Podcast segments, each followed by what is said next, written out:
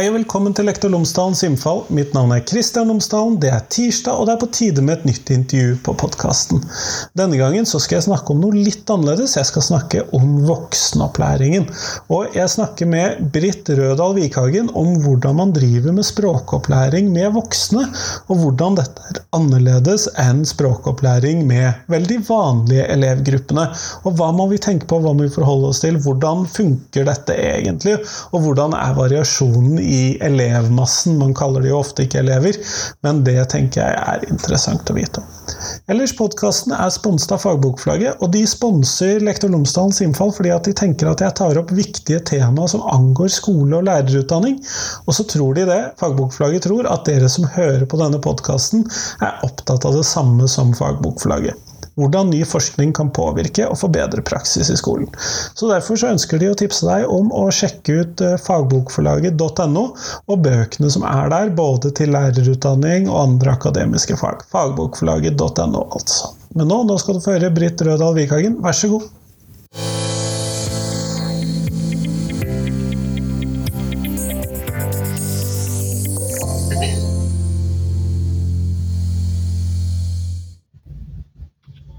Britt Rødal Vikhagen, tusen takk for at du har tatt deg tid til meg i dag. Bare hyggelig. Tusen takk for at jeg får lov til å komme. Dette har jeg gleda meg til lenge. Før vi kommer sånn helt i gang i dag, så hadde jeg håpet at du kunne fortelle lytterne mine tre ting om deg selv, sånn at de kan få bli litt bedre kjent med deg. Ja. Jeg heter jo da Britt Rødal Vikhagen. Jeg jobber som lærer. Eh, er utdanna grunnskolelærer, men har tatt eh, bytte til voksenopplæringa for en god stund tilbake. Og har ikke angra på det. Eh, jeg bor eh, på Holmlia i Oslo, og det var her vi havna etter at jeg begynte å jobbe på Skullerud, som har vært min arbeidsplass eh, i voksenopplæringa. Her bor jeg med mann og barn. Kommer egentlig fra Drammen, for de som er interessert i det. Og så driver jeg da språknøkler ved siden av å jobbe som lærer, og nå har jeg akkurat hatt min siste undervisningsdag faktisk, som lærer, og skal gå, gå fulltid fra høsten da, med, med firma. Så det er veldig spennende. Jeg er litt usikker på om det kvalifiserer til å slutte å være lærer. Ja, helt riktig. helt riktig. Jeg skal gå enda dypere inn i lærerjobben, vil jeg nesten påstå. Uh, og ja, jobbe på andre måter i klasserommet enn som fast ansatt i kommunen, da, kan man i hvert fall si. Mm. Eh, og når vi da snakker om disse tingene, så har jeg lært meg at vi bør eh, få noen definisjoner, eller i hvert fall noen avklaringer om hva vi snakker om. Og da er det jo særlig to begreper, og det er jo både voksenopplæring og andrespråksopplæring som vi bør snakke om. Og kunne du starte med voksenopplæring? Mm. Jeg tenker det er veldig viktig, fordi jeg selv også opplevde, når jeg begynte å søke på jobb og tok videreutdanning og på en måte bevegde meg inn i voksenopplæringsfeltet at jeg egentlig ikke visste noen ting om det. Uh, selv om jeg har gått mange år på lærerutdanning og vært i en lærerfamilie, uh, har mange i slekta som familie, uh, jobber som lærere, så har jeg liksom aldri snakka om hva, voksenopplæring. Det er akkurat som det ikke eksisterer før du jobber der selv. Så Derfor er det mange som kanskje ikke vet helt hva det går ut på. vi kan si at det er på en måte to ting som kan kalles voksenopplæring. Det ene er når jeg og du lærer oss noe nytt som voksne. Altså at vi går på et kurs, tar noen form for um, fagbrev, kanskje i voksen alder, uh, folk som mangler videregående skole. Den type ting som er opplæring av voksne, sånn helt, helt konkret. Mens den type voksenopplæring som Språknøkler og jeg jobber med, det handler jo om voksne innvandrere eller flyktninger eller andre som skal lære seg norsk i voksen alder. Eh, og de kommer jo til Norge av ulike årsaker. Men de har ofte enten en rett eller en plikt til å få en, en eller annen form for opplæring da, eh, i norsk. Og da kommer jo det andre begrepet inn, som du snakket om, som da er andrespråksopplæring da, og norsk som andrespråk. Eh, og det handler jo da om at selv om det egentlig er en litt misvisende tittel, for mange av de, de, fleste jeg møter, de kan ikke bare to språk. De kan gjerne fire eller fem eller seks. Eh, så norsk er på en måte bare ett av språkene i rekka. Men poenget er jo at de, de lærer et uh, nytt språk som de ikke har lært fra de var små, eller som de ikke har møtt i sitt eget hjem. Og så er det en viktig ting til, eh, og det er det at når vi bruker andrespråksdefinisjonen, så er det et poeng at man bor i et samfunn hvor du hører og lever i det språket daglig. Kontra hvis du går på videregående og har tysk, da, så er det et fremmedspråk fordi man ikke Du hører ikke tysk på butikken når du er ferdig på skolen. Ferdig i timen, egentlig, så hører du ikke mer tysk den dagen, kanskje. Mens deltakerne som jeg møter i klasserommet, de er jo omgitt av norsk språk stor del av hverdagen sin. Eh, og det er på en måte en, i fagfeltet det er en viktig del av det å kalle det et andrespråk. At man, eh, at man bor og lever i et eh, land hvor man er nødt til å lære seg språket for å kunne leve, da, egentlig.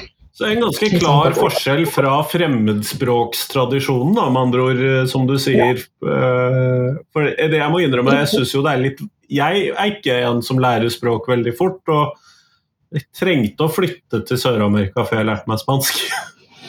Ikke sant. Absolutt. Og det er jo viktig Det kommer jo mer og mer inn i på andrespråksfeltet også, det, det nytteperspektivet da, inn i andrespråksundervisningen òg. At vi må vinkle undervisningen og læringen mer mot bruk av språket, da, for det er jo egentlig det de trenger. Ikke den der gode gamle pugge verb i alle tider og skrive inn i skjemaer og Sånn som man er vant med, sånn som jeg hadde når jeg lærte fransk. på en måte. Jeg kan jo ikke fransk, eh, fordi jeg har aldri fått brukt det i ja, kommunikative situasjoner, da, rett og slett. Så det er et veldig viktig skille der. At vi beveger oss heldigvis mer og mer mot hva er det de har behov for da, i hverdagen sin rett og slett. Og det er mange ulike behov. Um, så det er, det er kanskje den største uh, si, Voksenopplæring er veldig sammensatt i den forstand, fordi at deltakerne kommer med veldig ulik bakgrunn og har veldig ulike mål med opplæringen. Noen vil ut i jobb, Eh, praksis, type arbeidslivsretning. Andre vil ha mm, tiende klasse, videregående vitnemål og høyere utdanning. Og så har du også en stor gruppe deltakere som ikke vil egentlig mestre verken arbeidslivet eller høyere utdanning eh, av ulike årsaker, og som trenger å mestre hverdagen sin da, som voksen. Mm, ja. Men hvilke prinsipper er det som må ligge til grunn for hvis vi da starter med den andre språks, eller fortsetter på andrespråksopplæringen eh, mm.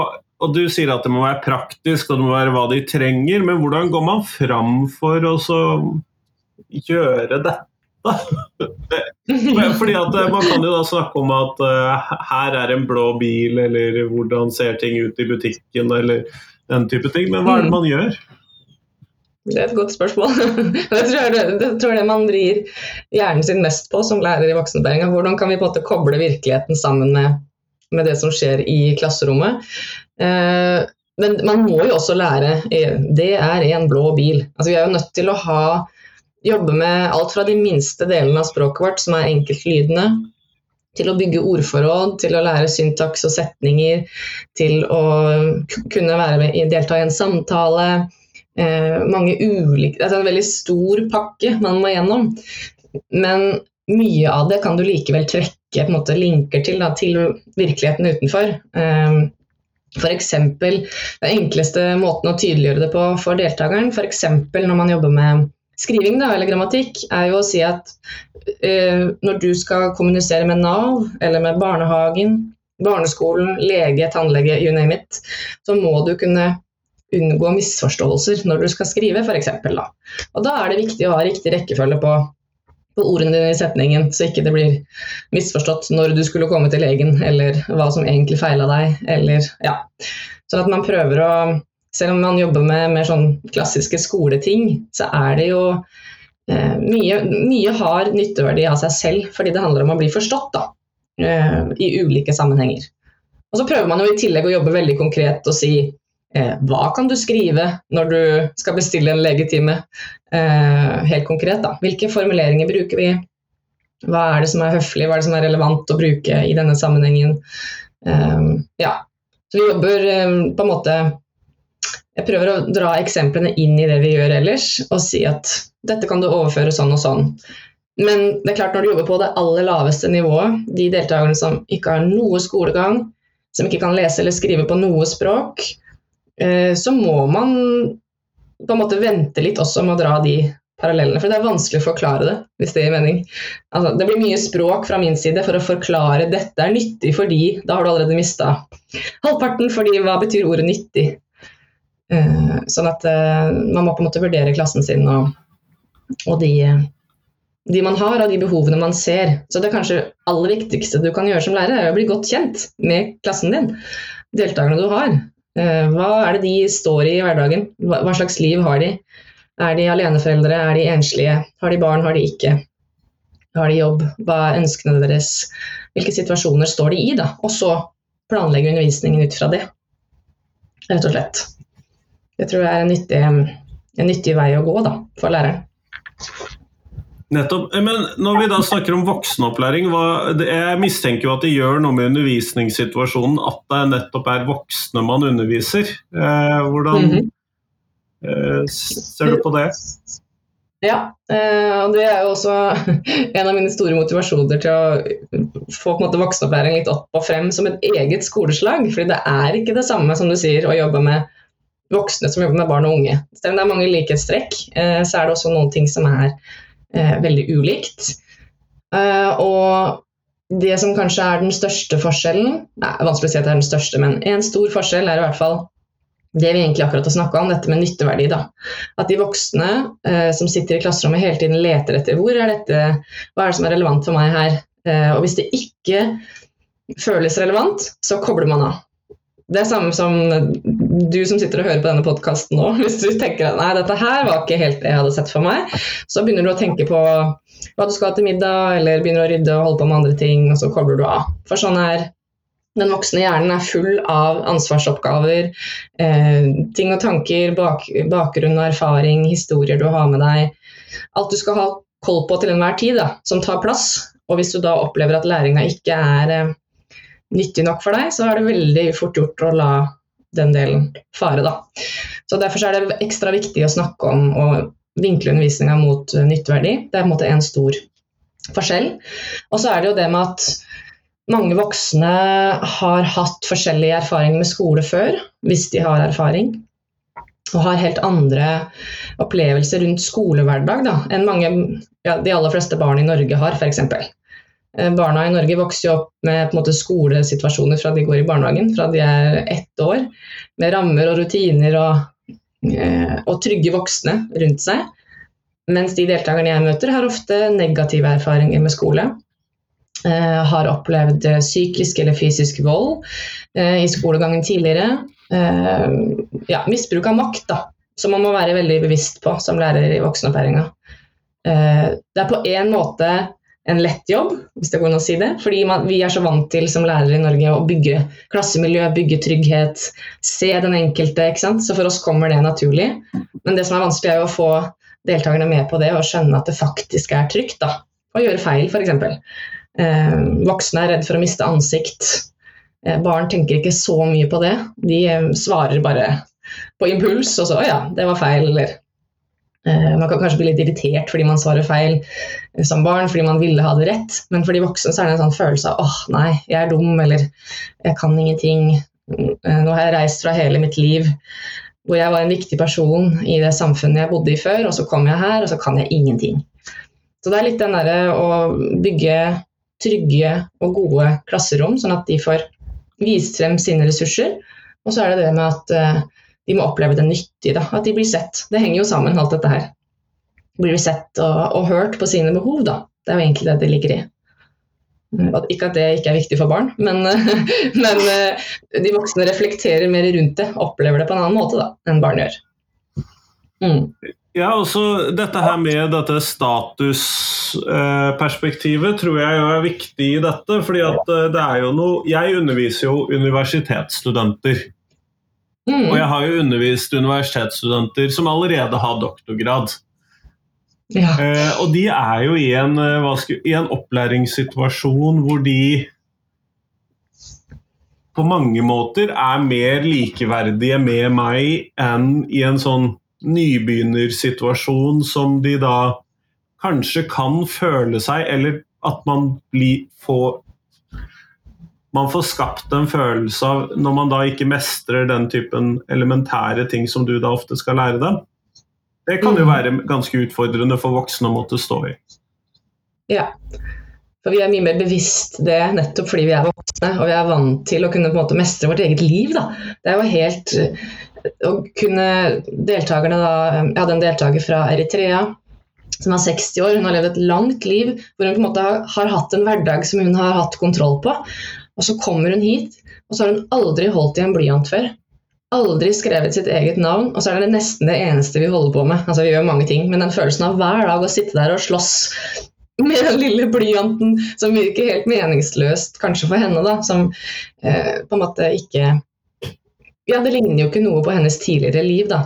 Eh, og det, det spriket der, jeg tror ikke vi kan Vi kan ikke se for oss hvordan det oppleves egentlig, fordi vi, vi kommer aldri til å stå i den situasjonen, eh, men det er den derre å bli sett da, og likevel bli respektert som en voksen som kan mange, mange ting eh, som jeg ikke kan noen ting om, det er veldig, veldig viktig. At, eh, for ellers så tenker jeg vi, vi, får et samfunnsproblem, rett og slett. Fordi at de deltakerne kommer til å få, få vansker med å mestre sitt eget liv og sin egen hverdag. Og sånn kan vi ikke ha det, tenker jeg.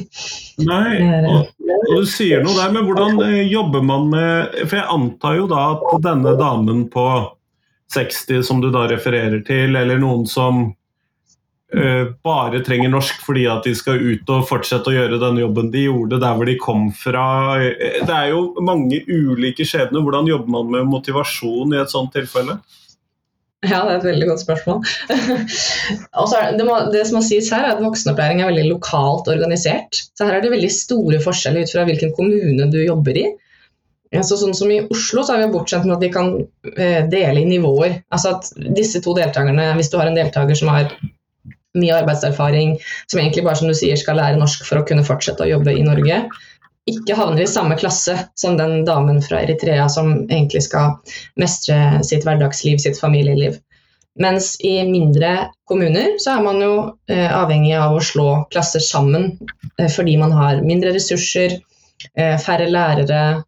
Eh, ja, i det hele tatt. Det økonomiske budsjettet da, er et annet.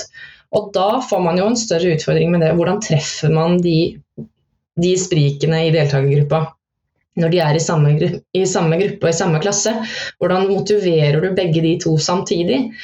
Uh, og det, det, er jo en veldig krevende oppgave. og jeg tror det er det differensiering da, og tilpassa opplæring og motivasjon jeg tror det er det jeg definitivt får mest spørsmål om, eller blir nevnt hver gang som det er det som er vanskeligst med å jobbe i voksenopplæring.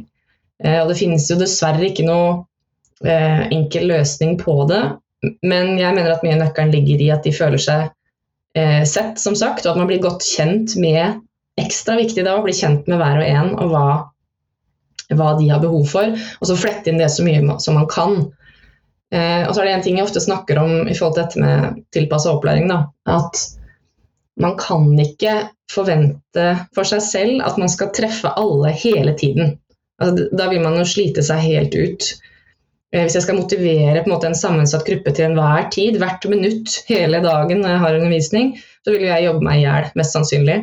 Og da vil undervisningen min også bli dårligere, fordi at jeg ikke har krefter til å, til å planlegge og tilrettelegge sånn som jeg burde gjøre. Så at man isteden må tenke mer på hvordan kan jeg motivere klassen min i løpet av en dag? Hvordan kan jeg passe på at jeg treffer hver og en i løpet av denne dagen?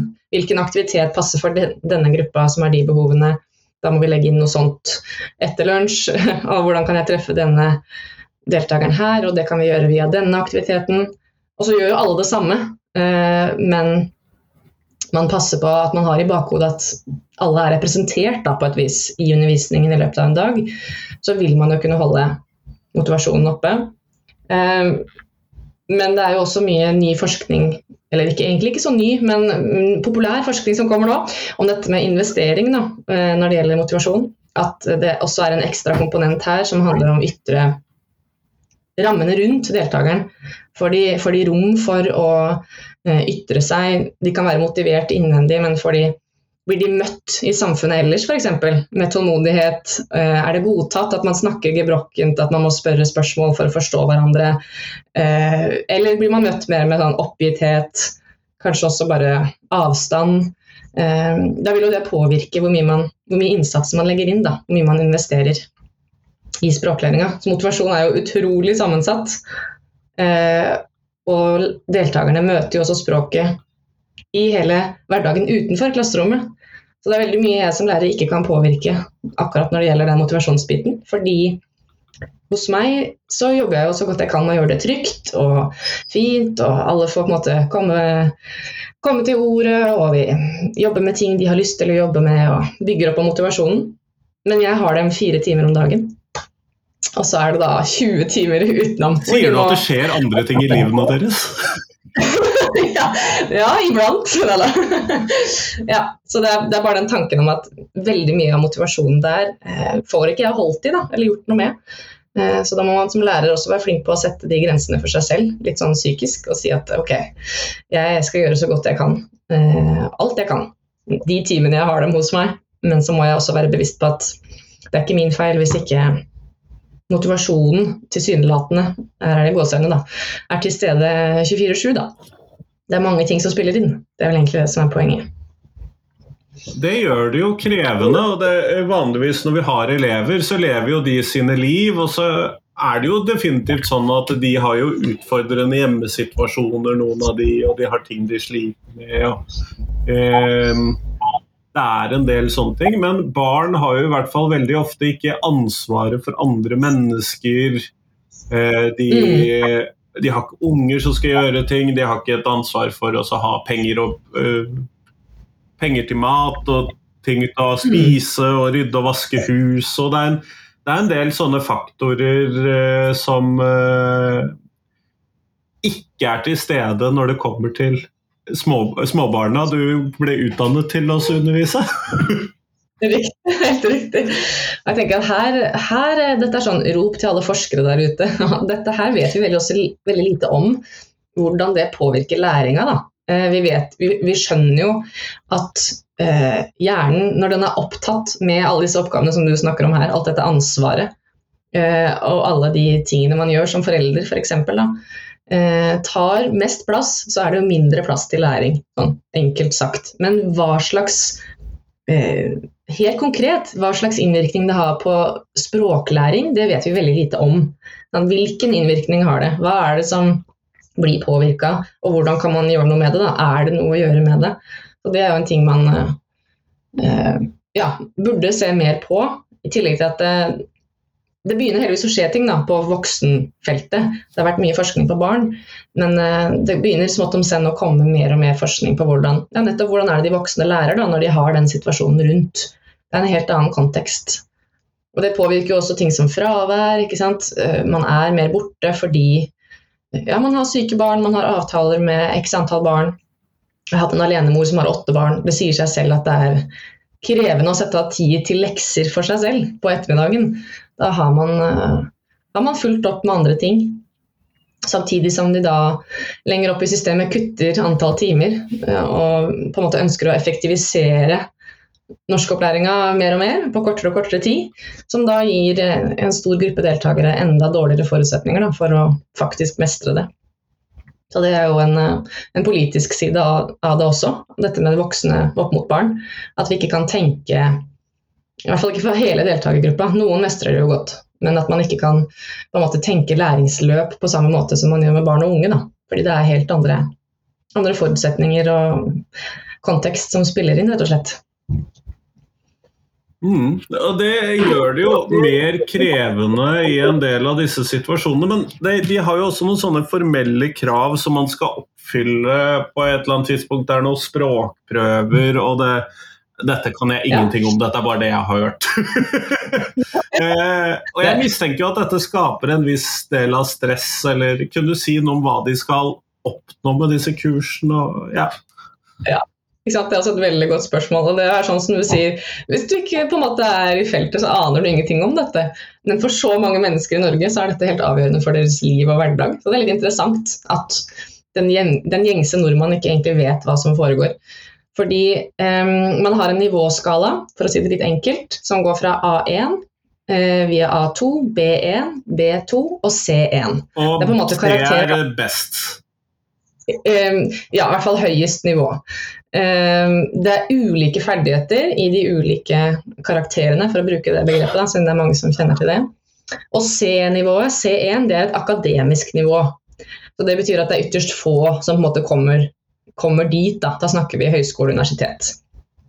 Mens B-nivåene, B1 og B2, det er et sånn selvstendig språkbrukernivå, hvor du klarer å på en måte eh, bruke språket på egen hånd, du eksperimenterer litt, du kan argumentere for og imot en sak, eh, og bruke språklige virkemidler på ulikt vis, både muntlig og skriftlig.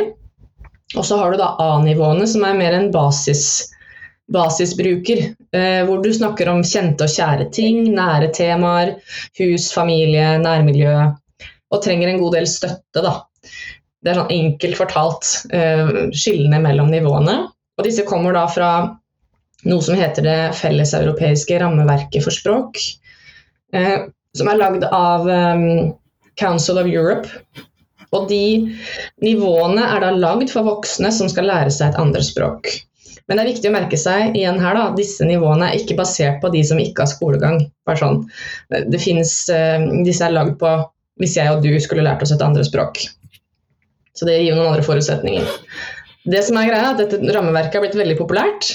Eh, og det er veldig bra, det må jeg bare si. Det er veldig gode beskrivelser og eh, viser da både muntlig, lesing, skriftlig og lytte hva slags ferdigheter som er innenfor de ulike nivåene. Men så har arbeidslivet da f.eks. får tak i disse nivåene her og tenker at ja, her har vi noe som kan sette eh, hva skal man si, kravet da, for å få en jobb hos oss. Og så betyr det ikke det at de, alle arbeidsgiverne i Norges land har satt seg inn i hva de nivåene faktisk betyr. De er opptatt av å få høyt kvalifiserte arbeidstakere, det forstår jeg veldig godt.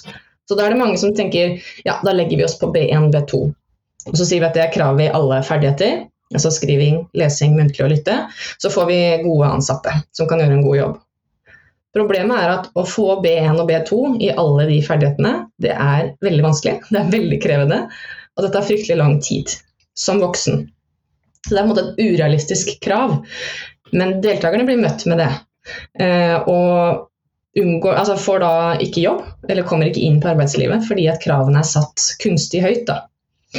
Eh, og det handler jo om mangel om kunnskap, fordi igjen, hvem er det som vet om dette utenom lærere i skolefeltet? Det snakkes ikke om. Eh, det høres bra ut. Og Det samme gjelder da med statsborgerskap, og det er kanskje enda mer kritisk, kritisk for deltakerne. Hvis du skal få norsk statsborgerskap, så er det nå B1 som er kravet. Og Det samme gjelder med permanent opphold, som er enda mer Det er ikke alle som blir statsborgere og kan leve fint i Norge uten å få norsk pass, men det å få permanent opphold, altså å kunne leve trygt i et land hvor man kan unngå krig eller frykt for å bli drept eller miste familien sin, så setter de da høye språkkrav du må kunne skrive en tekst på A2-nivå, eller snakke muntlig på A2. De pusher grensene høyere og høyere for å gjøre det og her blir det litt politisk, gjøre det mindre attraktivt å komme til Norge. Det er det det ligger i. Det har stått også i klartekst, det må jeg bare si, på eh, forrige regjering sine sider at um, ja, man ønsker ikke å få hvem som helst i Norge. Da. Det skal være um, høye standarder. Og det er jo ikke det at det i seg selv bare er negativt, men man, eh, man eh, gjør noe med den gruppa som aldri kommer til å nå de målene. Skal ikke de også få kvinner, spesielt kvinner, da, som kommer til Norge uten skolegang fordi kvinner ikke har rett på skolegang i, i hele verden. Eh, de blir da taperne når de kommer til Norge også. De som har hatt Min kollega sier alltid det. Hvorfor skal det være sånn at de som har eh, fått minst før, eller som har minst, skal fortsette å få minst. Hvorfor er det alltid de det skal gå utover? For det er de som blir ramma av disse kravene òg, for de vil ikke nå disse kravene. Og resultatet er jo i verste fall at de blir sendt hjem til hjemlandet sitt fordi de ikke klarer permanent oppholdskravet. Så de Nivåbeskrivelsene er god, et godt utgangspunkt, og de måles på det gjennom hele opplæringa. De må ta prøven når de er ferdig med x antall timer, da. det er forskjellige rettigheter. Eh, men bruken av dem. Det er det som er problematisk, da. Um, og det er forskjellige ukrainere for eksempel, nå er noe het debatt, fordi de har fått snakk om å forlenge da, måte, retten til norskopplæring, men de har jo veldig høye krav til hva de skal klare på kort tid. Um, uten at de egentlig har avklart hva som er deres plass i Norge etter det. Da. Hva er det som er tanken videre. Så de, nivåene er veldig til stede i voksenopplæringa, men veldig lite eh, omtalt utenom. Selv om de brukes. De brukes over en lav sko. både i arbeidsliv og, og utdanning, da, for den saks skyld. Ja, Jeg ser jo de stadig referert til i ulike sammenhenger, og jeg jobber jo i en sektor nå på universitetet hvor det er veldig mange som driver og skal ta disse kursene og snakker om disse nivåene, og det fremstår litt som gresk for min del når de snakker om disse tingene. Det skjønner jeg veldig godt. Det var det for meg òg før jeg som sagt, jeg hadde aldri hørt om den før jeg begynte å jobbe der selv. Men det fins mye på nett da, hvis man har lyst til å, å lese seg opp. Så ligger det masse ute på, på nett med beskrivelsen av nivåene og hva som er bakgrunnen for det. Men det, Det tror jeg vi må kanskje jo må ta med i shownotesen til episoden. Ja. Det kan vi gjøre. Det kan vi gjøre. Eh, Men du nevnte i stad dette med eh, denne eh, godt voksne damen fra Eritrea som eh, ikke da hadde brukt blyanter før og ikke hadde kunnet skrive og sånn. og eh, Vi har jo snakket litt om muntlig undervisning, men den herre Mm. også lære bort skrift til godt voksne mennesker. Jeg mistenker jo, når vi, når vi utstyrer småbarn med sin første blyant, og de har jo kanskje holdt det lenge før de kommer til skolen og sånn, så er jo dette veldig mye lek for de, og det minner om fargelegging, og det er en del sånne eh, ting som det er. Men no, har du noen sånne viktige tank, tanker om hva som er viktig når man skal begynne med den der skriveopplæringen i en alder av 40-60 år? Jeg, jeg sliter litt med å se at det vil være veldig lett for meg som 40 til 60-åring å skulle gjøre det. Ja, eh, her eh, snakker du om noe veldig viktig som igjen Det fins lite forskning på dette, så det, det jeg deler nå, blir erfaringsbasert. Um, men det handler jo om mye av det samme med f.eks. blyantgrep. Altså begynne med noe så enkelt som det. Hvordan holder du blyanten? Eh, mange har mye smerter i kroppen fra før. Vi trenger ikke å tilføre på en måte dårlig skrivestilling eh, til den pakka. Så det er faktisk å øve på å holde blyanten, sånn som man gjør i barneskolen. Eh, akkurat når det gjelder skriving, og for så vidt også begynneropplæringa med lesing, så er det veldig mye likt. Jeg har jobba i første klasse i mange år, jeg bruker veldig mye av det samme inn i, i alfabetiseringsklasser, da, som det da heter i voksenopplæringa. Men det er jo den der lekdelen av det da, som vi kanskje ikke gjør så mye. Men vi prøver å på en måte skrive både smått og stort. Eh, får dem opp på tavla, bruker grovmotorikken eh, på smartboarden. Eh, vi sporer, akkurat sånn som i barneskolen. Følger på en måte streker, øver på finmotoriske øvelser på papir. Um, iPad er jo fint som hjelpemiddel, men det er mange skoler som ikke har tilgjengelige iPader. Eh, det er en evig diskusjon. Eh, som man kunne tatt en egen episode om. Men, men det å på en måte la dem oppleve at de klarer å skrive i gåseøyne, skrive ord, kanskje også digitalt parallelt, da. sånn at de igjen opplever den eh, mestringen og nytteverdien og ser at oi, ja, nå produserer jeg noe. Eh, om det er å trykke på tre bokstaver på tastaturet eh, og se at det danner et ord. Da. At man gjør det samtidig som man jobber, strever med denne blyanten. Sånn at man ikke bare blir sittende og, og knote med disse tilsynelatende kanskje meningsløse formingsoppgavene, da, på et vis. Eh, så er det også veldig viktig å snakke om eh, ja, hvordan skriver vi en bokstav, hvor starter vi, alt dette man gjør i, i første klasse. Eh, sånn at de får en funksjonell håndskrift.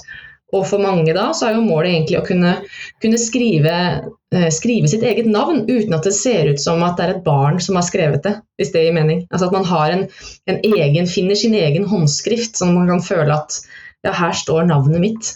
Det høres jo kanskje helt banalt ut, men samtidig det å kunne signere med sitt eget navn som voksen på et papir, det er noe vi gjør eh, i hvert fall ikke like mye som før, men det er på en måte en stor del av det ansvaret som voksen.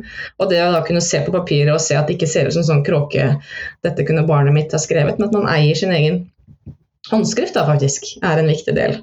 Så ikke, ikke vær redd for å øve på liksom, skriftforming, rett og slett. Eh, hva slags type, det kan man jo velge selv. Eh, det er ikke så nøye om det liksom er stavskrift eller løkke eller trykk, eller, det har ikke noe å si.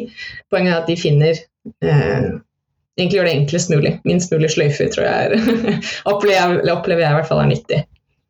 Eh, også da samtidig koble det med å kanskje få produsert noen ord digitalt, sånn at man opplever at det blir, det blir noe, da. Eh, mer enn at barna syns kanskje det er gøy å sitte bare og, og spore i vei og gjøre de oppgavene i seg selv. Eh, mens for de voksne så må man jo igjen da prøve å finne den opplevelsen av nytte, da. Så det er kanskje eh, det viktigste når man jobber med skriving. Og så er det å, å ha fokus på det muntlige først, da. Det må jeg bare si. Eh, jobbe lenge med det muntlige først, eh, før man begynner med, begynner med skrivinga. Selv om mange har veldig lyst til å hoppe i det, så er det noe med å få ordforråd litt på plass først, sånn at man også forstår hva man skriver. At det ikke blir en, en løsrevet aktivitet som ikke gir mening igjen, da. Nei, det, akkurat det er, det er, jo vanskelig med småbarn å gi de oppgaver som ikke gir mening, men uh, det er jo litt lettere enn for voksne, vil jeg tro. Ja, ja. og noen ganger må vi det i voksenopplæring òg, det er ikke det jeg mener. Du kan ikke alltid, eh, alltid gi meningsfulle tekster. Og, på, altså, jo lavere ned du kommer, jo mer enkelt må du jo gjøre det. Og da mister man ofte mye av den meningen. Så det er en balansegang på lavere nivåer. da. Hvordan få inn et hint av mening, selv om man må jobbe med det med to og to lyder, f.eks. Sitte og lese ra, re, ri, ro. Du må jo gjennom, gjennom, det, men det gir jo ikke så mye nytteverdi akkurat der og da.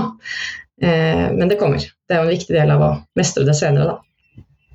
Kjempeflott. Du, Vi går mot slutten av den tiden vi har sammen, Britt. Og da lurte jeg på om du kunne fortelle meg hvilken lærer som gjør størst inntrykk på deg, og hvorfor det? Jeg satt og tenkte på, tenkte på det her, hvem, hvilken lærer og eh, jeg blir, Når jeg blir spurt om det, så tenker jeg, tenker jeg sjelden på de lærerne jeg hadde når jeg gikk på skolen. Eh, men jeg tenker ofte på kollegaene mine. Så jeg hadde litt lyst til å snakke om eh, trekke fram en kollega jeg har hatt på Skullerud, som heter Unni Skadberg Isaksen. Og hun har altså et hun er pensjonist nå, da, men har et brennende engasjement for de som ikke har skolegang. Og den den tålmodigheten hun viser med den gruppa, eh, og hvordan hun oppriktig ønsker at de skal lykkes, det har vært veldig inspirerende for meg. Eh, hun var den som hjalp meg når jeg ble alfalærer for første gang og skulle begynne med denne gruppa. Og det at hun alltid tar seg tid. Det er liksom det. Hun tar seg alltid tid til hver og en og bruker den tida det tar, istedenfor å rushe gjennom, som man kanskje kan gjøre, da, som jeg syns er veldig hun er veldig god på å se hver og en og, og bygge opp eh, selvtilliten til de som kanskje har, det, har minst av det da, når de kommer til skolen. Så det, det hadde jeg lyst til å framsnakke i dag. Kjempeflott. Tusen takk for at du tok deg tid til meg. Tusen takk for at jeg fikk komme.